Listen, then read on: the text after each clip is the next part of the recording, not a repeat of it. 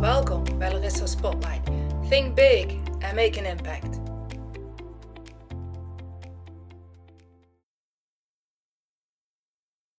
Goedenavond. Goedenavond, Larissa. Mooi. Ja, dat Larissa. We zijn er weer. Ja, We zijn er weer en we hebben er zin in. Ja, feest met de apen. Hey, Ja. Emiel. Emiel is er ook bij. Ah, gezellig. Uit Thailand. Hey, amigo. How are you? Hey, goedenavond. Hoe is het met de, de zilverruggen op de apenrot? ja, ja, best rustig hoor. Rustig, rustig. Ah, veel te rustig valt nog mee, Roy. Het valt niet mee. Oké, dat is goed. Nou, vanavond, eh, vanavond willen we het hebben over eh, eigenlijk deel 2 van Giftige Liefde. Daar hebben we de vorige keer mee afgesloten, de, de reeks. En dit keer willen we het hebben over eh, het kind, althans, en een ouder. Maar ik wil eigenlijk ehm, beginnen met eigenlijk een paar vragen. Hoi Michael, fijn dat je er ook bij bent. En Michael, ik wil eigenlijk aan jou het woord geven. Ehm, sowieso eh, voor de mensen, de luisteraars. Michael die beheert de backchannel. Dus wil je vragen stellen, dan neem contact op met Michael. En die zal zorgen dat je op het podium komt. Eh, en als je op het podium komt, dan zal hij ook toestemming vragen dat je wordt opgenomen.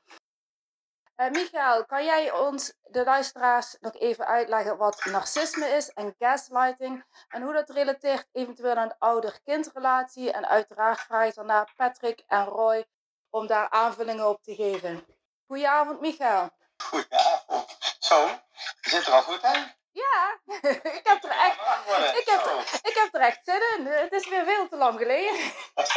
Ik wil even schakelen hoor. Ik, eh, ik kom net van het schors af, dus net gegeten. Maar ehm, eh, ja, narcisme. Wat is narcisme? Dat is best wel wat. Het is, eh, het, is- het is op relationele manier bij elkaar verbonden. En dat kan eh, op, eh, in de familie zijn, maar het kan ook een vriendschapsbasis zijn. En op die manier ga je met elkaar eh, een soort verbinding aan. Of je hebt al een verbinding waarvan de een eh, misschien net even ondergeschikt is aan de ander en de ander nodig heeft en daardoor eh, meer op het gebied van eh, toegeven en, verder van je afkomen te staan. Eh, en daaraan te veel eh, aan toegeven. En dan krijg je de, de verhouding, eh, die loopt dan even scheef. En zodra de verhouding wat scheef loopt, dan, ehm, ja, dan, dan gaat de, de persoon, de narcist, of hoe je het noemen wilt, eh, die gaat dan dominanter eh, aansturen. Die maakt daar eh, eerst een misbruik van, gebruik van, en dan komt er misbruik. Het is een opstapeling van een aantal problemen. En eh, daardoor gaan, eh, daardoor komt op die manier een, een verkeerde eh, relatie uit voort. Moet ik het even zeggen? Ja, dat is een mooi eh, samengevat. En hoe, hoe, zit, hoe zit er, werkt dat na het ouder-kindrelatie en, en gaslighting? Ouder-kindrelatie, ehm, ja, dat kan te maken hebben met eh, de, de, de jeugd van vroeger of van de ouder. Eh, het kan ook een beetje in de genen zitten, Eh, maar dat is een beetje afhankelijk van ehm, hoe de positie is van de ouder. En die maakt daar ook sturende, op een sturende, manipulerende manier eh, misbruik van. En daardoor wordt het kind wordt dan slachtoffer. Ja, dat is helder. Eh, Patrick, eh, vanuit jouw kennis, eh, wat heb jij daaraan toe te voegen? Nou ja, dit, dit- het, het is een thema waar ik me de afgelopen maanden steeds verder aan het invreten ben, moet ik zeggen. Ehm, en Klinkt goed. Ja, het is, het is wel eigenlijk heel interessant om je te realiseren dat ouders narcisten maken. Ehm, daar zitten een paar componenten in narcisme waarvan we denken, bijvoorbeeld de gevoeligheid, de sensitiviteit, om die kenmerken te ontwikkelen. Daarvan denken we dat die wel genetisch zijn aangelegd. Ehm, maar in bijna alle vormen van narcisme is inmiddels wel de generieke conclusie dat ergens in, in, in, in de vroege ontwikkeling van het kind fout gaat. En uh, men weet eigenlijk zelfs nog wel een klein beetje specifieker te duiden wanneer het fout gaat. Kinderen hebben in hun leven heel veel overgangsfases. Hè? Dus uh, uh, je bent een jaar of drie, vier en op een gegeven moment word je bewust dat je naar school gaat en dat is een belangrijke overgangsfase. als je een jaar of 11, 12 bent, dan komt er een belangrijke overgangsfase naar de puberteit. Het bijzondere is dat men eigenlijk merkt, hè, of een van de belangrijkste overgangsfases ook op hele jonge leeftijd, is nou ja, de, de verandering van moeder-kindrelatie. Dus, dus, dus dat kinderen iets meer los komen te staan van de moeder, borstvoeding stopt, die, die directe beschermende uh, vervagen. Uh, en, en wat ze in onderzoek hebben vastgesteld is met name rondom dat soort veranderingsfases gaat er heel vaak iets fout in de relatie tussen kind en ouders. En ook vaak wordt geconstateerd dat bijvoorbeeld de rol van de vader een heel groot probleem is. Dus het bizarre is dat we kijken vaak naar relaties en dan zeggen we nou giftige relaties of relaties die problematisch zijn. zijn relaties waar bijvoorbeeld één van de twee een narcist is. Uh, maar wat we vaak vergeten is dat ja, narcisten komen ergens vandaan. En het grappige is, of grappig is eigenlijk heel triest natuurlijk, maar als je dat van afstand tegenaan kijkt, is het wel bijzonder om je te realiseren dat narcisten, ja, die, die, die, dat, dat ontstaat ergens, en met name in die vroege kindertijd. En wat je vaak ziet, is dat kinderen zich of heel erg aan een van de twee ouders gaan hechten, vaak aan, aan de moeder op een extreme manier. Maar ook wat je vaak ziet, is dat kinderen over gaan compenseren. Het gebrek aan aandacht wat ze van een vader krijgen, of dat een vader op een gegeven moment heel erg ze vernedert of in een bepaalde positie brengt, waarbij ze zich op latere leeftijd juist heel erg gaan revancheren. En heel erg gaan overcompenseren. Dus het is wel fascinerend om te zien hoe zo'n hele levensloop, uh, kind, ouder, maar later ook weer op kind, hoe dat door kan werken.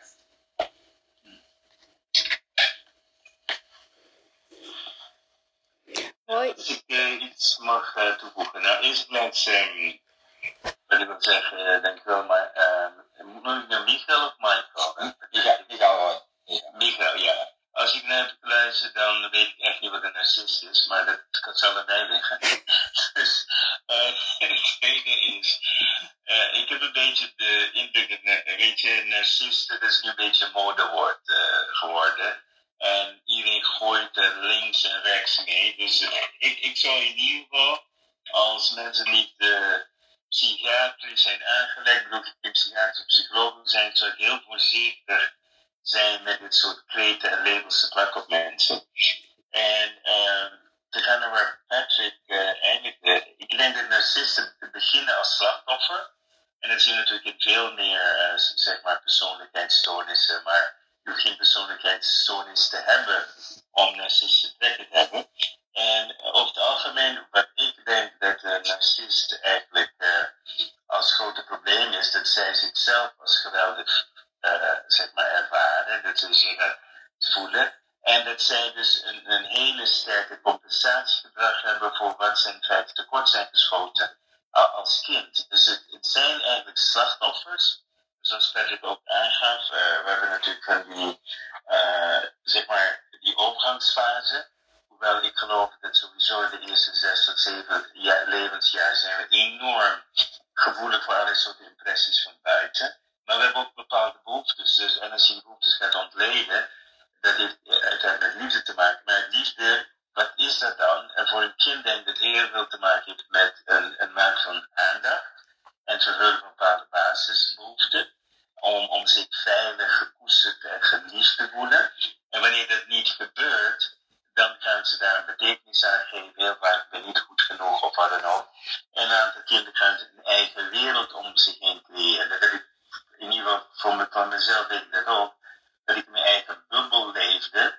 En, en daar was het veilig. Dus ik heb ook een soort compensatiegedrag ontwikkeld. Dat ik me heel veilig voelde in mijn bubbel. En, en dat komt uit de jeugd voor.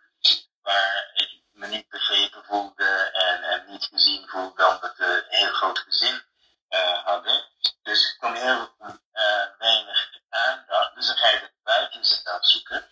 En dat merk je ook dat mijn gedrevenheid zo'n groot gedeelte komt, omdat het, dat de manier was om voor mijn vader aandacht te krijgen. Als ik maar goed presteerde, dan kreeg ik een schouderklopje. En dat, dat was dan liefde van mijn vaders. Dus ik denk dat we heel goed moeten kijken naar hoe uh, liefde, wat betekent liefde voor elk van ons. En dan natuurlijk de, de ma eh, quando si transita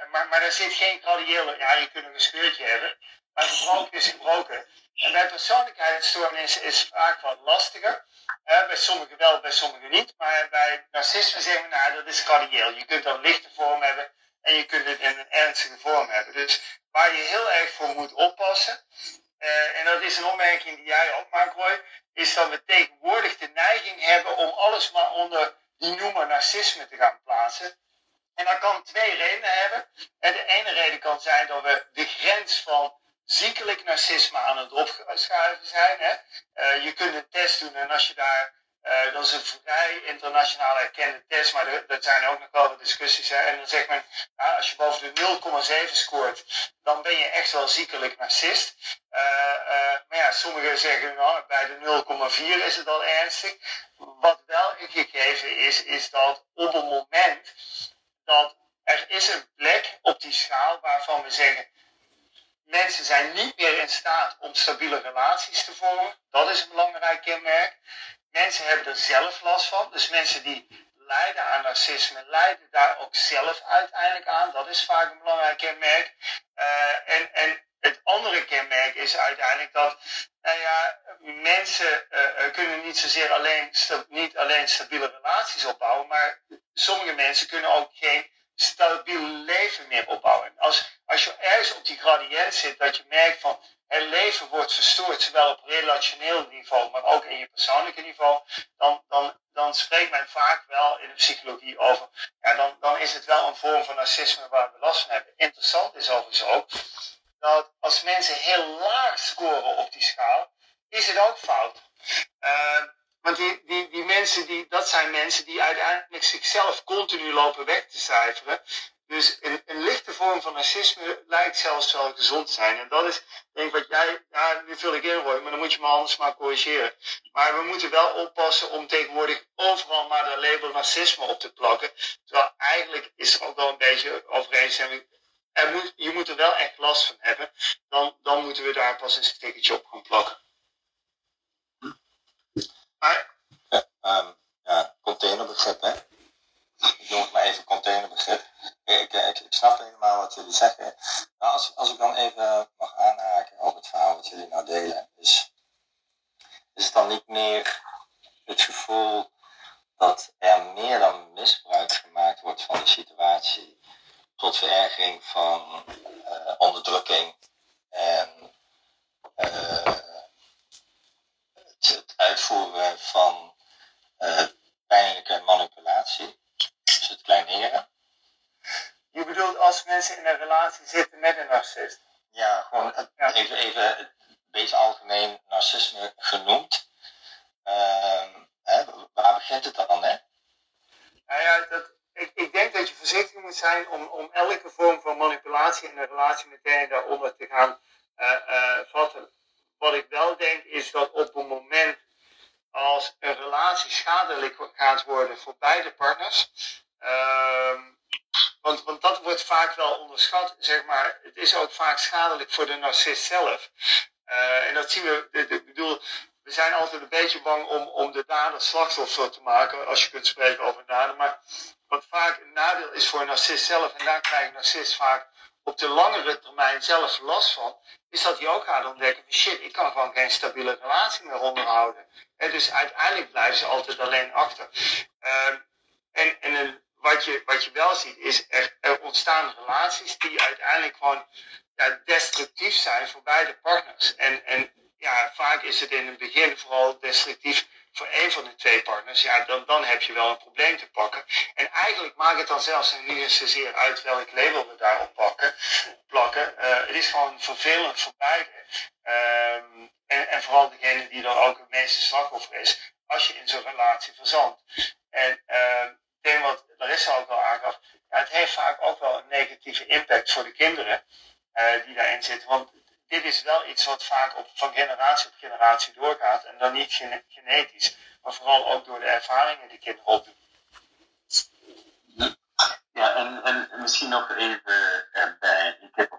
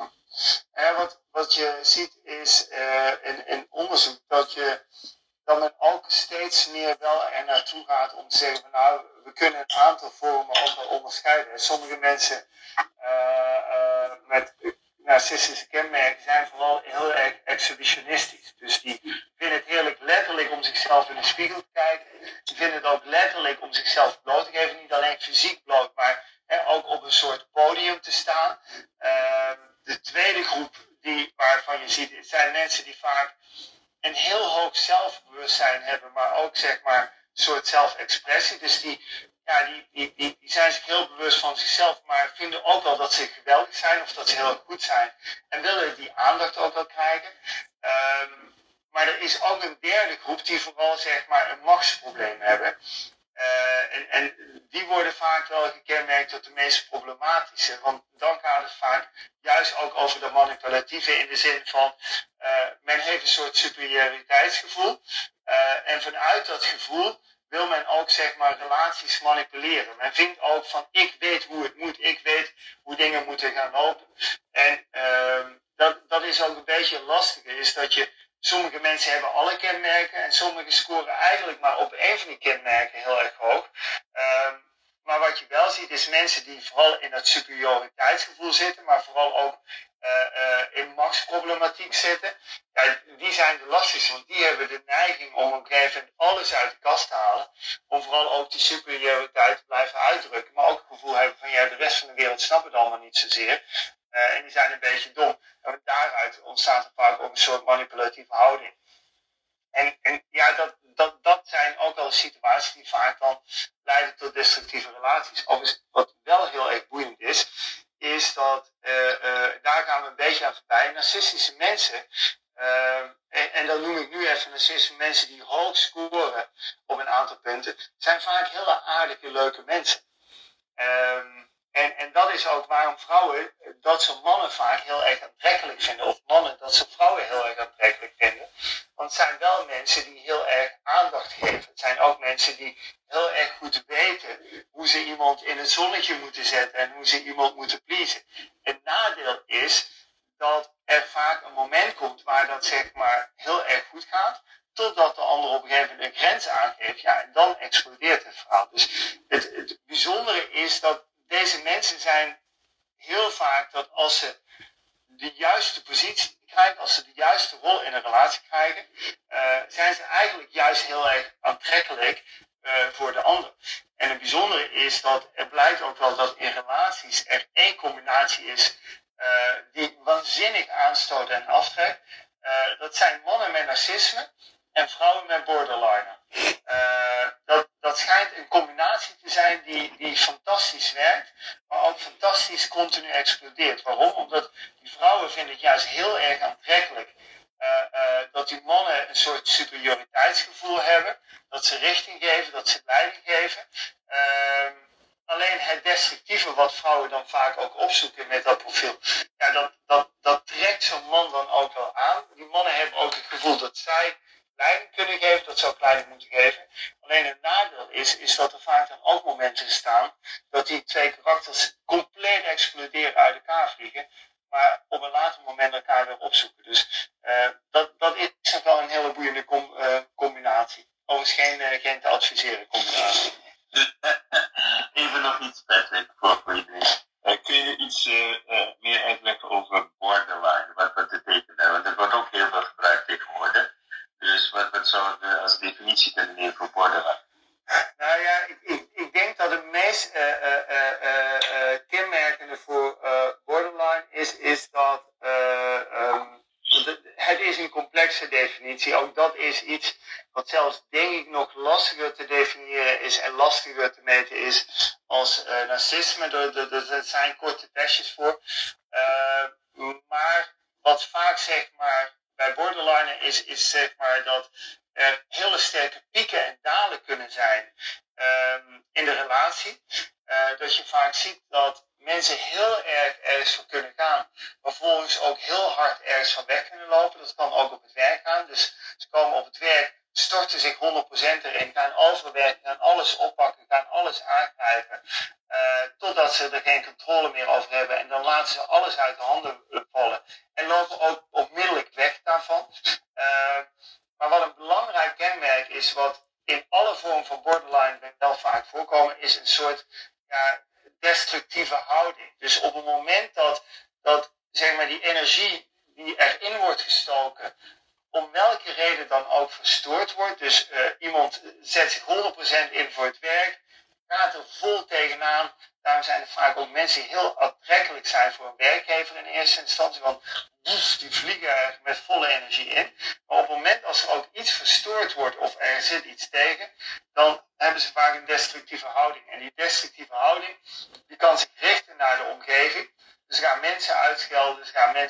fysiek aanvallen. Maar het vervelende is dat die destructieve houding ook vaak naar zichzelf gericht wordt.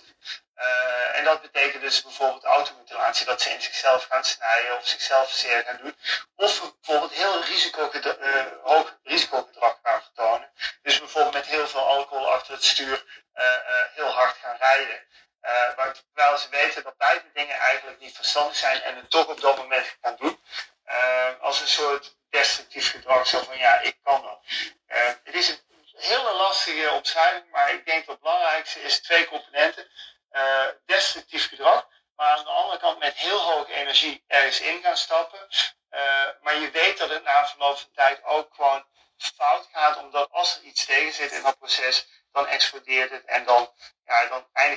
vaak in een ja, destructieve houding. Ja, en dat kan zijn dat ze een tv kapot slaan of weggooien. Eh, of helaas ook gedrag gaan vertonen wat heel schadelijk is voor hunzelf. Ja, ik, wil voor mezelf. Ik denk dat heel veel mensen wel dingen vinden waar wij in ze stukjes herkennen. Misschien eh, in, of natuurlijk alleen in anderen. En dus, eh, maar misschien we gaan kijken naar die twee, die twee dingen. Ik denk dat we maar dit soort mensen tegen Denver. They were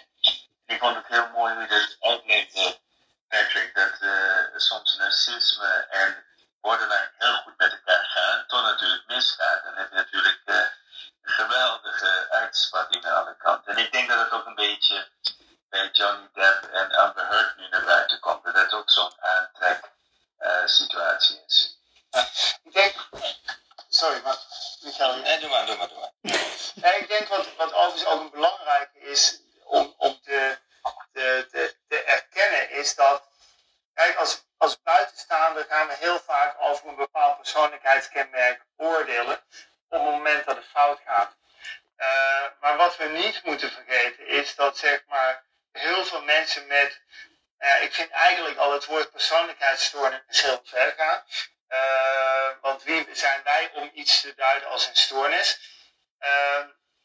maar wat je wel ziet is dat mensen met bepaalde persoonlijkheidskenmerken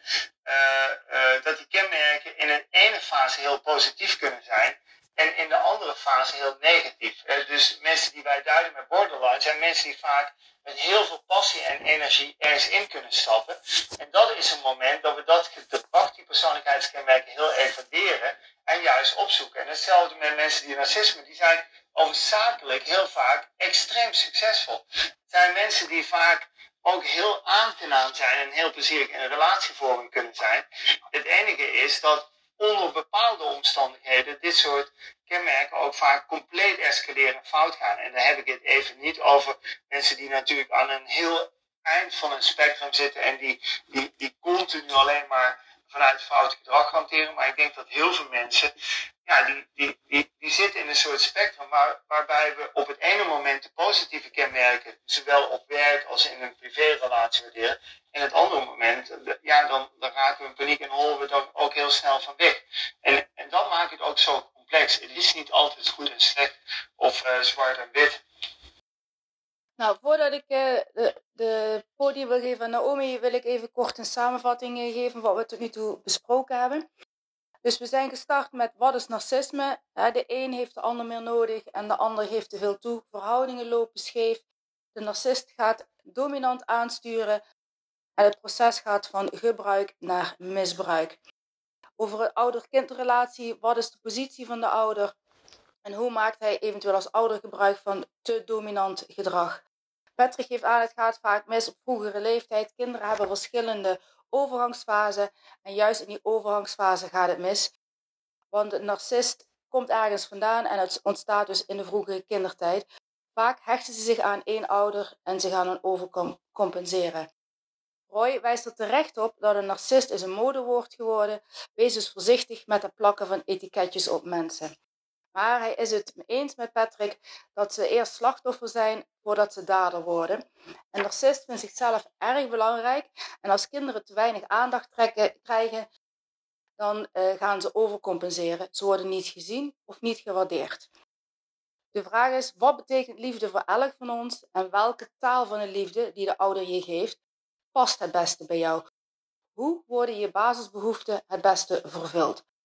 Voor een kind is het heel simpel: je bent geliefd of je bent niet geliefd. En het gedrag van de moeder is heel bepalend voor het kind. Patrick geeft nog aan dat narcisme is een gradieel begrip. Iedereen heeft er wel een hele lichte vorm van.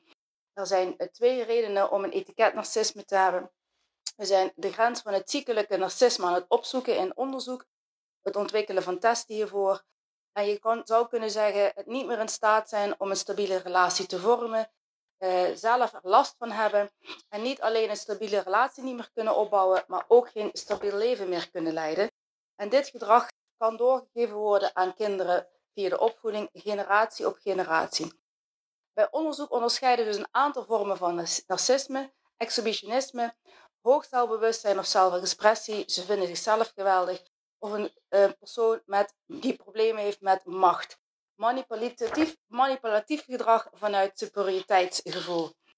Want de narcist weet heel goed hoe ze iemand moet pleasen, totdat de ander een grens aangeeft en dan gaat het vaak mis in de relatie. En als laatste stelde Roy eigenlijk op uh, de opmerking: waarom houden mensen dit zo lang vol? En hij gaf aan dat hij eigenlijk geleerd had: het blijkt dus een stukje afhankelijkheid en een stukje verslaving te zijn. En Roy gaf, uh, Patrick gaf me aan dat de beste combinatie, als je het zo mag noemen, is een narcist met een borderliner. Nou, tot nu toe de samenvatting. Uh, Naomi, jij had een vraag. Dus ik zou zeggen, neem het podium en stel je vraag. Uh, ja, ik had niet eens echt een enorme vraag. Dat is overigens ook lastig om vast te houden wat je wil zeggen na zo'n uh, geweldige samenvatting, maar ook zo'n uitgebreide samenvatting. Wat ik, wat ik vooral benieuwd naar was, want ik, uh, ging helemaal aan op de titel, Giftige Liefde, gezien vanuit het kindperspectief. En ik dacht, ik hoor zo weinig eigenlijk over het kindperspectief.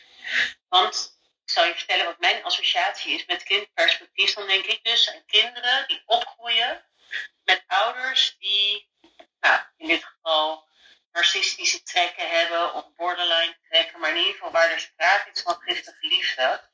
En wat is het effect dan voor dat kind wat zo opgroeit? En jij, nee, dus dat was eigenlijk gewoon een gedachte die ik had van, nou, die ga ik toch delen. Ik mis nog steeds een beetje dan dat kindperspectief. En jij zei net van voor een kind is het heel simpel. Volgens mij zei je of er is liefde of er is geen liefde. Klopt dat? Ja, dat was een opmerking die Roy, ja, dat was een opmerking die Roy gemaakt heeft. En wat was die opmerking? Kan jij nog herhalen? Want je had net zo scherp. Um, even terugkijken in mijn aantekeningen. Voor een kind is het heel simpel. Je voelt je geliefd of niet geliefd. Ja, en, en volgens mij, Roy, is dat niet zo simpel. Daar, geloof ik niet helemaal. Met alle respect naar jou toe. Hè? Ehm, ik denk namelijk dat het vooral heel onvoorspelbaar en heel erg spannend is voor een kind om zo op te groeien. En dat het, ja, voor een kind die hecht zich ook aan een niet lieve persoon of aan iemand die de ene keer heel erg lief doet en de andere keer minder lief doet. Hè? Want dat zei Patrick eerder uh, van ja, kinderen of uh, mensen met zo'n stoornis, ja, die kunnen ook perfect functioneren. En dat is natuurlijk ook zo. Hè? Dat, dat weten we ook. Maar dat maakt het ook juist zo ongelooflijk onvoorspelbaar voor kinderen. Want de ene keer kom je dus thuis bij een hele lieve mama. En de andere keer kom je thuis bij mama de ex. Maar even het een beetje heftig neer te zetten en op een papa. Dus Nadine Burke heeft daar een keer een prachtige uh, vergelijking in gemaakt. Een hele mooie TED-talk die je kan kijken van Nadine Burke. Die vergelijkt een beetje met de beer in het bos. He, je weet dat er een beer rondloopt, maar je weet niet wanneer de beer oplopt. En dat doet iets met je stresssysteem en dat doet iets met, ja, gewoon je staat continu op spanning. En dat is hartstikke toxisch. Maar goed, ik zit een beetje hard op te, te denken. Maar ik, ik dacht vooral, laat ik dat kindperspectief, waar ik altijd zo op aanga, want dat is ook helemaal mijn onderwerp, laat ik die nog eens iets prominenter op jullie podium zetten. Heel mooi, eh, Naomi. Uh, wil je wel reageren? Anders wil ik blijven vragen. Ja, en reageren niet. Ik wil graag aanvullen op dit misschien beter uitleggen. Kijk, ik kom vanuit um, het zeg maar werken met onbewuste. En wat je dus hebt als een kind in een overlevingsstand zit, dus dan op de beren, dan kan het geen liefde voelen. Dus dan is het onveilig. En kan de moeder andere keer weer, weer liefdevol zijn. Maar dat is ook onveilig voor het kind. Dus als ik dus uh, met mensen werk, en uh, met name ook volwassenen, dan, dan is er dus heel weinig grijs gebied. Of het kind voelt zich geliefd, dit mag er zijn, en bouwt daar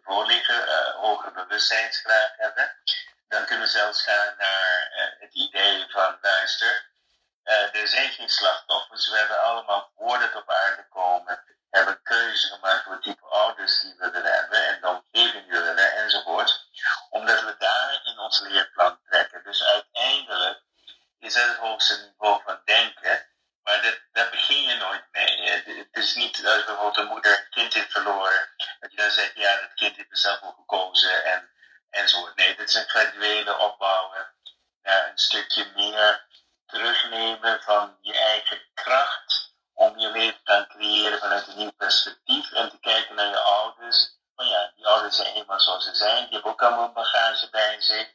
En kun je dan vanuit dat stukje je ouders gaan uh, vergeven en anders bekijken en uiteindelijk accepteren. Dus dat is meer uh, een, wat langere uitleg daarvan. Maar ik vind op zich uh, alles wat je zegt mooi. Ik ben heel met je eens dat we nog niet een kind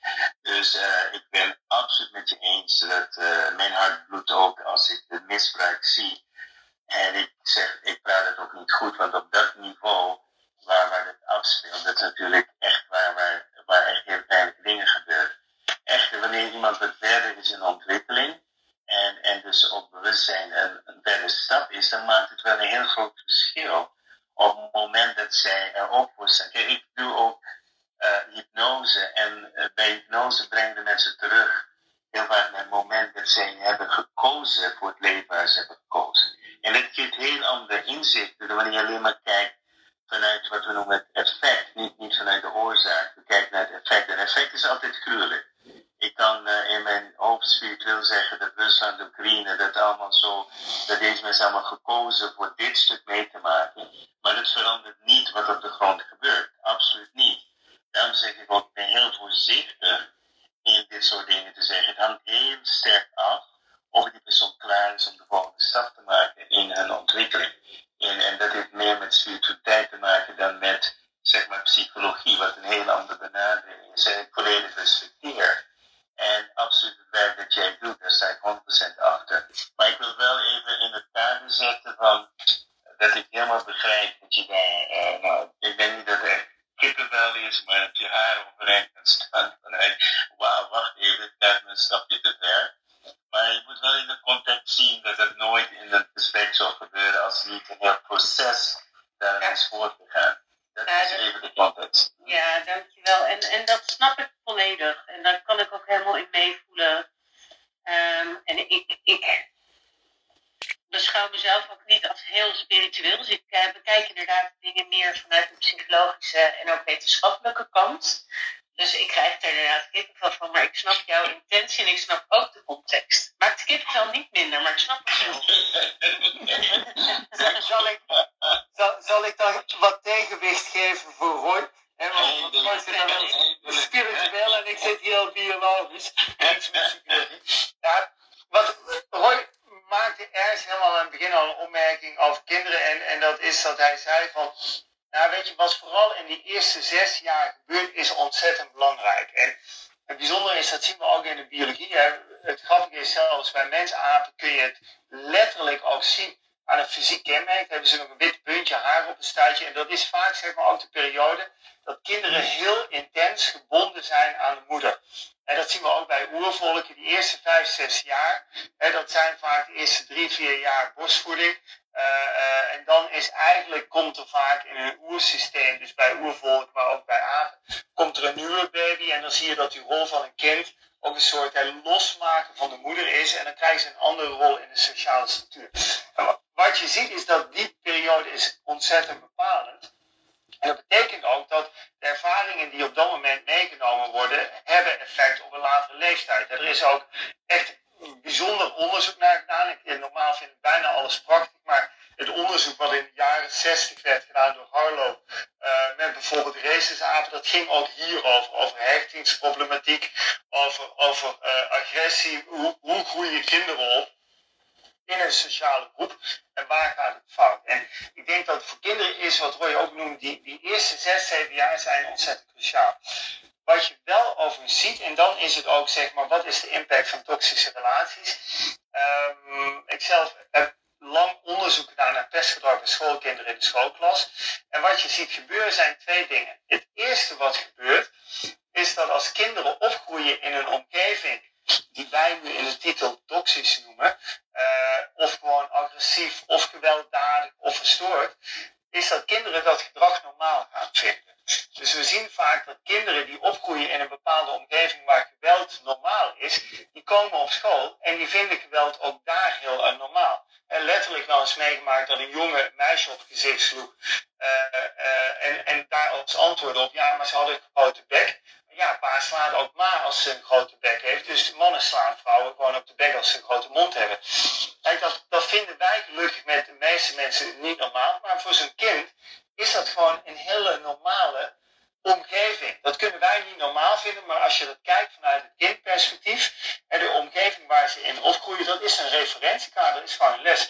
En dat is het eerste gevaar al van het opgroeien in een toxische omgeving, dat kinderen ook voor de latere leeftijd continu iets meenemen van dit is een normaal referentiekader. Zo was het vroeger bij ons thuis. Uh, het tweede wat je ziet, en uh, uh, dat, dat is natuurlijk uiteindelijk een veel gevaarlijker element, is dat kinderen ook letterlijk wel beschadigd raken en, en, en, en nou ja, krassen meekrijgen en uiteindelijk ook in een omgeving opgroeien waar ze bijvoorbeeld continu stress ervaren. Wat Naomi net benoemt, hè, dat is een bekend fenomeen. Hè, kinderen, maar overigens niet alleen kinderen, ook volwassenen, wij kunnen eigenlijk heel slecht tegen onvoorspelbaarheid. En zeker in de kindertijd weten we uit onderzoek, kinderen vinden voorspelbaarheid heerlijk. En je weet altijd, als ik dit doe, dan is dit de reactie. Uh, uh, als ik iets heb gedaan wat niet mag, dan krijg ik een draai om de oren. Uh, maar het is eigenlijk wel lekker als dat consequent is. Als ik altijd op hetzelfde gedrag dezelfde reactie krijg, dan geeft dat voor kinderen een soort van veiligheid. Het nadeel daarvan is, is dat soms kinderen beter ermee kunnen dealen dat ma of pa continu agressief zijn, dan dat ma en pa het ene moment heel vriendelijk zijn en het andere moment heel agressief zijn. Daar gaan kinderen zelfs nog liever ervoor kiezen dat pa maar altijd agressief is, uh, dan die wisseling. Daar, daar kunnen wij eigenlijk biologisch kunnen wij daar niet mee omgaan. Dat, dat trekt ons lichaam fysiek uiteindelijk niet. En, en dat is uiteindelijk dus een situatie waarbij enerzijds is het voorbeeldgedrag, het is een soort leermodel wat nadelig is, maar aan de andere kant de continue stress en de continue negatieve prikkel die kinderen ervaren. En dus bijvoorbeeld ook continu in een soort van angst leven. Hè, wat gaat er uiteindelijk gebeuren? Daarvan weten we uiteindelijk dat dat voor zowel kinderen, maar eigenlijk ook voor volwassenen, continu destructief is. Hè. Als je ook kijkt naar onderzoek wat wordt gedaan bij volwassenen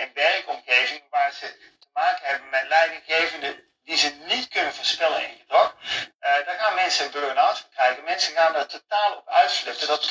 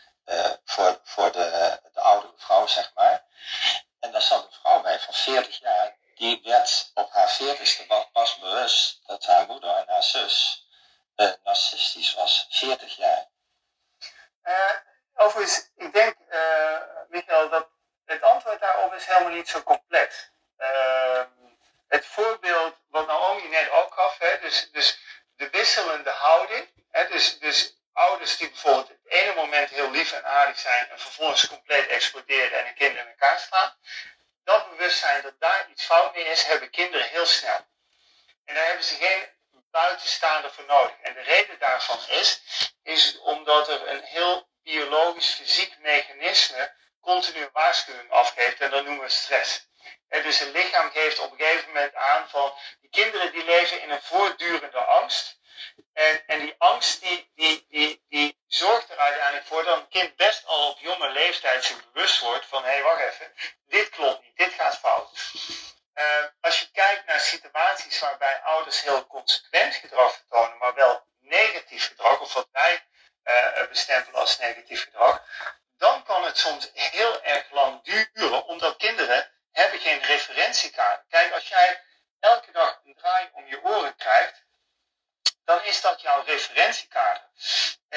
dag dat die draai om de oren wegblijft, ja, dan, dan, dan is dat opeens heel erg vreemd. En, en dan ga je pas je afvragen, als die draai om de oren een week blijft, hey, wat was dat voor hen?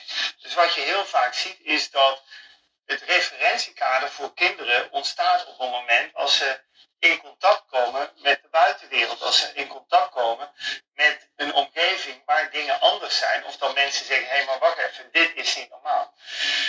Wat, wat dus wel belangrijk is, is dat je situaties hebt waarbij kinderen iets bestempelen als voor hun normaal. Terwijl de buitenwereld op een gegeven moment zegt, ja maar dit is niet normaal. En dat is voor kinderen vaak het moment dat ze zichzelf ook gaan realiseren. Wacht even, hier gaat iets fout. Uh, maar daar zal een kind van vijf jaar of tien jaar of vijftien jaar echt heel anders tegenaan kijken. En is een voorbeeld wat jij geeft, Michael, van, van ja, kinderen die eigenlijk pas veel later zich realiseren dat ze ja, opgegroeid zijn met een, een narcistische moeder. Ja, die ontdekken dat soms pas 20, 30 jaar later. Het is niet voor niks dat heel veel mensen pas op late leeftijd zich realiseren, hé, maar wacht even, ik ben in een erg ziekelijke familiegroep of in een erg ziekelijke gezinssituatie opgegroeid. Het andere is wel dat er zijn wel vormen waar kinderen zich autonoom, zonder het referentiekader, op een gegeven moment wel gaan realiseren, hier is iets fout. Hier gaat het niet goed. En dat is bijvoorbeeld de situatie waar ik net uit dat wisselend contact is een belangrijke. Maar ook wat een belangrijke is, is dat soms buitensporig geweld, dat kinderen daar ook wel autonoom zich gaan realiseren of uh, seksueel misbruik, dat kinderen autonoom zich gaan autoriseren. Hier klopt ergens iets niet, hier is ergens iets fout. Uh, maar ja, uiteindelijk moet je nog steeds leren wat nou ja, de omgeving daarvan vindt. Dus vaak is wel het contact met de buitenwereld een belangrijk moment voor je realisering. Hier is iets fout. Ja. Dankjewel. Uh, Roy, ik heb eigenlijk een vraag aan jou, want omdat jij, jij zit natuurlijk veel langer in het vak,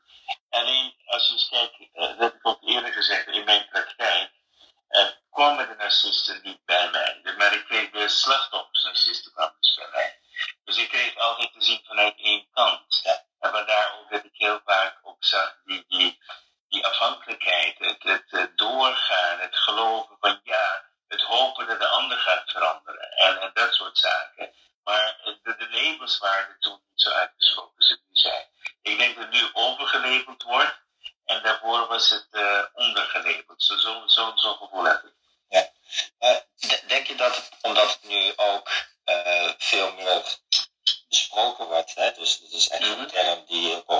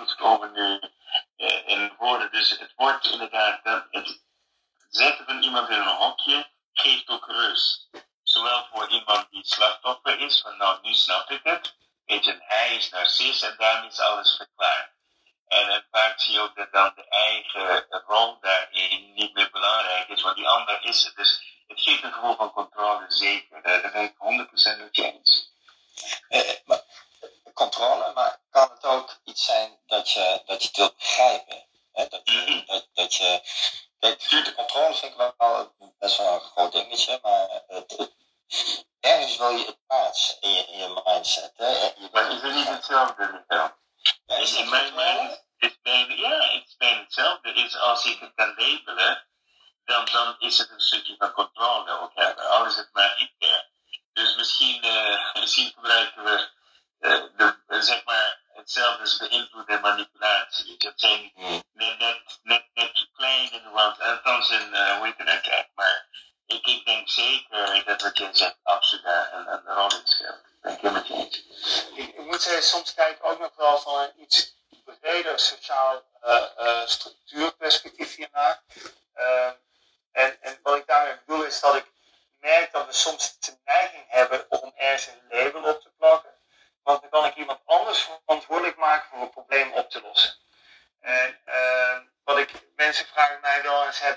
algum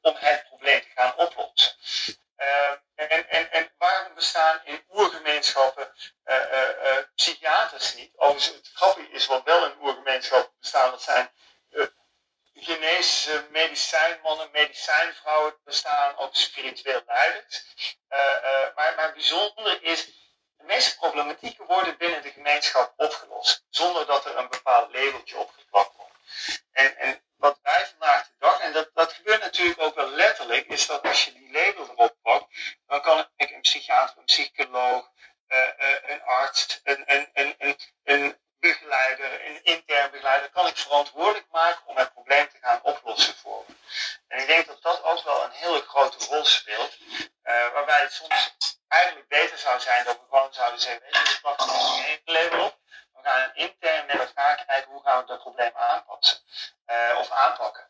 Eh, en, en, die fase die, die zouden we eigenlijk weer wat meer terug mogen brengen. Nou, dankjewel. Dat vind ik eigenlijk een hele mooie om af te sluiten. Maar ik zie we hebben nog een laatste vraag. Annemarie, stel je vraag. Hoi, goedenavond allemaal. Goedenavond, net op de valreep. Ja, ik, ik merk het. Wat leuk, dankjewel. Eh dat was eigenlijk een vraagje aan Patrick. Jij zei van in, in eh, het begin miste ik een klein beetje in eh, de inheemse stammen eh, lossen ze het gewoon op. Ja. Is het niet, ehm, dat is mijn vraag, want ik heb daar geen stand van. Maar is het niet zo dat ze het gewoon accepteren dat het zo is? Want is, doen ze het echt oplossen of gaan ze er gewoon mee om? Ehm, beide. Zeg maar, eh, er zijn ook een heleboel dingen die mensen als kwaliteit gaan zien. Kijk, wij diagnosticeren, diagnosticeren iemand met autisme en we hebben een probleem. In heel veel oervolken diagnosticeren ze niemand, maar ze zien iemand met een bepaalde kwaliteit en ze gaan die kwaliteit gebruiken. Eh, dat is hetzelfde als die ADHD'er. Uh, Ja, dat ben ik. Ja, wij plakken er een label op. Ja. ben ik dat. Ja, ja, maar wij plakken er een label op en zeggen, goh, ik word doodmoe van die mensen, eh, wat gaan we ermee doen? In hun oervolk eh, plakken ze er geen label op en zeggen ze, nou laat die maar even een half uur achter de olifant aan, aan- aanhollen. En tegen de tijd dat die olifant uitgeput is van die ADHD, dan gaan we hem wel schieten. En, en dat klinkt misschien een beetje cynisch, maar wat je ziet is dat een heleboel labels die wij plakken, zijn uiteindelijk ook kwaliteiten die mensen hebben. En wat ik wel zie in onderzoek naar oervolk, is dat die eigenlijk veel opportunistischer zijn en kwaliteiten van mensen gaan benutten. Eh, dus mensen hoeven ook wel minder in dat standaardpatroon te passen. Ook daar zijn overigens regels en allerlei standaardpatronen, maar ze zijn wat opportunistisch, waardoor ze kwaliteiten van mensen gaan inzetten en er dus ook op die manier geen last van hebben. De andere kant van het verhaal is, er zijn natuurlijk ook wel profielen en persoonlijkheidsprofielen en kenmerken. En ik weet niet of ze op die manier denken. Maar waarbij ze uiteindelijk zeggen van nou, weet je, dat, dat, dat zijn kenmerken waar we last van hebben. Maar we gaan er wel heel dicht bovenop zitten eh, om dat probleem op te lossen. Om er in ieder geval iets mee te doen of in ieder geval een omgeving voor te scheppen. En eh, als iemand bijvoorbeeld, nou, laat ik heel simpel voorbeeld geven waar ik zelf het meeste van af weet, bijvoorbeeld pestgedrag. Eh, als je kijkt bij oervolk, komt pestgedrag ook voorbij. Maar als jij een etterbak in de groep hebt rondlopen, na, na 24 uur ben je er klaar mee. En wat is dan uiteindelijk de reactie? Dat iemand zegt, ja, ik ben er klaar mee. Ze geven een draai om de oren en het probleem is opgelost. Eh, en wat doen wij? Ja, wij hebben zien pestgedrag en we halen de IB'er erbij, we halen ouders erbij. Maar feitelijk lopen we altijd het probleem door te schuiven, zodat niemand maar die draai om de oren hoeft te geven. Waarbij we het uiteindelijk ook niet oplossen. Ik zeg daarbij trouwens niet dat eh, we pestgedrag oplossen met een draai om de oren. Oh, ik denk, we krijgen een gratis tip, maar dat was er niet. Nee, zij laat ik daar voorzichtig mee zijn. Maar, maar, maar wat, wat ik wel zie is, is dat we blijven zo lang doorschuiven dat uiteindelijk niemand meer het probleem gaat oppakken of aanpakken. En eh, dat, dat kan in een oervolk niet. Er is niet een externe adviseur, er is geen arts aan de buitenkant, er is geen eh, GGZ, er, is, er, er zijn geen instanties waar je naar kunt afschuiven. Dus je moet het uiteindelijk wel als groep gaan oplossen. Of er gebruik van maken. Oké, dankjewel voor je antwoord. Alsjeblieft. Nou heren, ik wil jullie eh, weer bedanken voor jullie aanwezigheid. Eh, wat ik eruit gehaald heb, heel in het kort, het laatste half uurtje, dat de eerste zes jaar van een kind zijn heel erg belangrijk. Kinderen zijn intens gebonden aan de moeder. Eh, kinderen maken zichzelf uit, daarna los. Eh, het opgroeien van kinderen en waar het dan fout gaat, heeft een impact op de toxische relaties op twee manieren. Kinderen eh, die zich onveilig voelen, gaan dit gedrag normaal vinden. Het wordt een referentiekader als ze later volwassen zijn. En de tweede, kinderen raken beschadigd en ervaren continu stress. En wij kunnen als mens slecht tegen onvoorspelbaarheid. We willen dezelfde reactie op hetzelfde gedrag continu. En ehm Michael die vroeg nog van ja, maar wanneer gaat het kind werkelijk beseffen dat er iets mis is? Eh, waarop Patrick eh, zo mooi zei, nou het antwoord is eigenlijk niet zo complex, want kinderen hebben dit snel door omdat het gedrag van de ouder onvoorspelbaar is, want het geeft continu stress. En door te labelen willen we controle. Labelen geeft rust. Een eigen rol wordt dan vaak minder belangrijk en het geeft ook vaak begrip. En Patrick gaf heel mooi aan, apen hebben dezelfde problemen, maar hebben er geen last van. Want die kleine communities van apen lossen dit zelf op. En wij mensen geven een label, zodat een ander het voor ons oplost. En vandaar dat wij er meer moeite mee hebben. Heren, hartstikke bedankt. Wij zijn maandag, luisteraars zijn maandag terug. Dan gaan we het hebben over interraciale relaties en racisme. Ik ben wel heel erg benieuwd. Uh, ik, uh, ik heb er weer van genoten. Ik hoop jullie ook. Ja, ik, ik heb heel erg genoten. Lekker dat we terug zijn. Ja, heerlijk. Dankjewel iedereen. En tot ziens. Ja. Ja. Dankjewel. Dank je allemaal. Dag. Thanks. Fijne avond. Leuk dat je geluisterd hebt naar deze editie van Larissa Spotlight. Tot de volgende keer. Dag!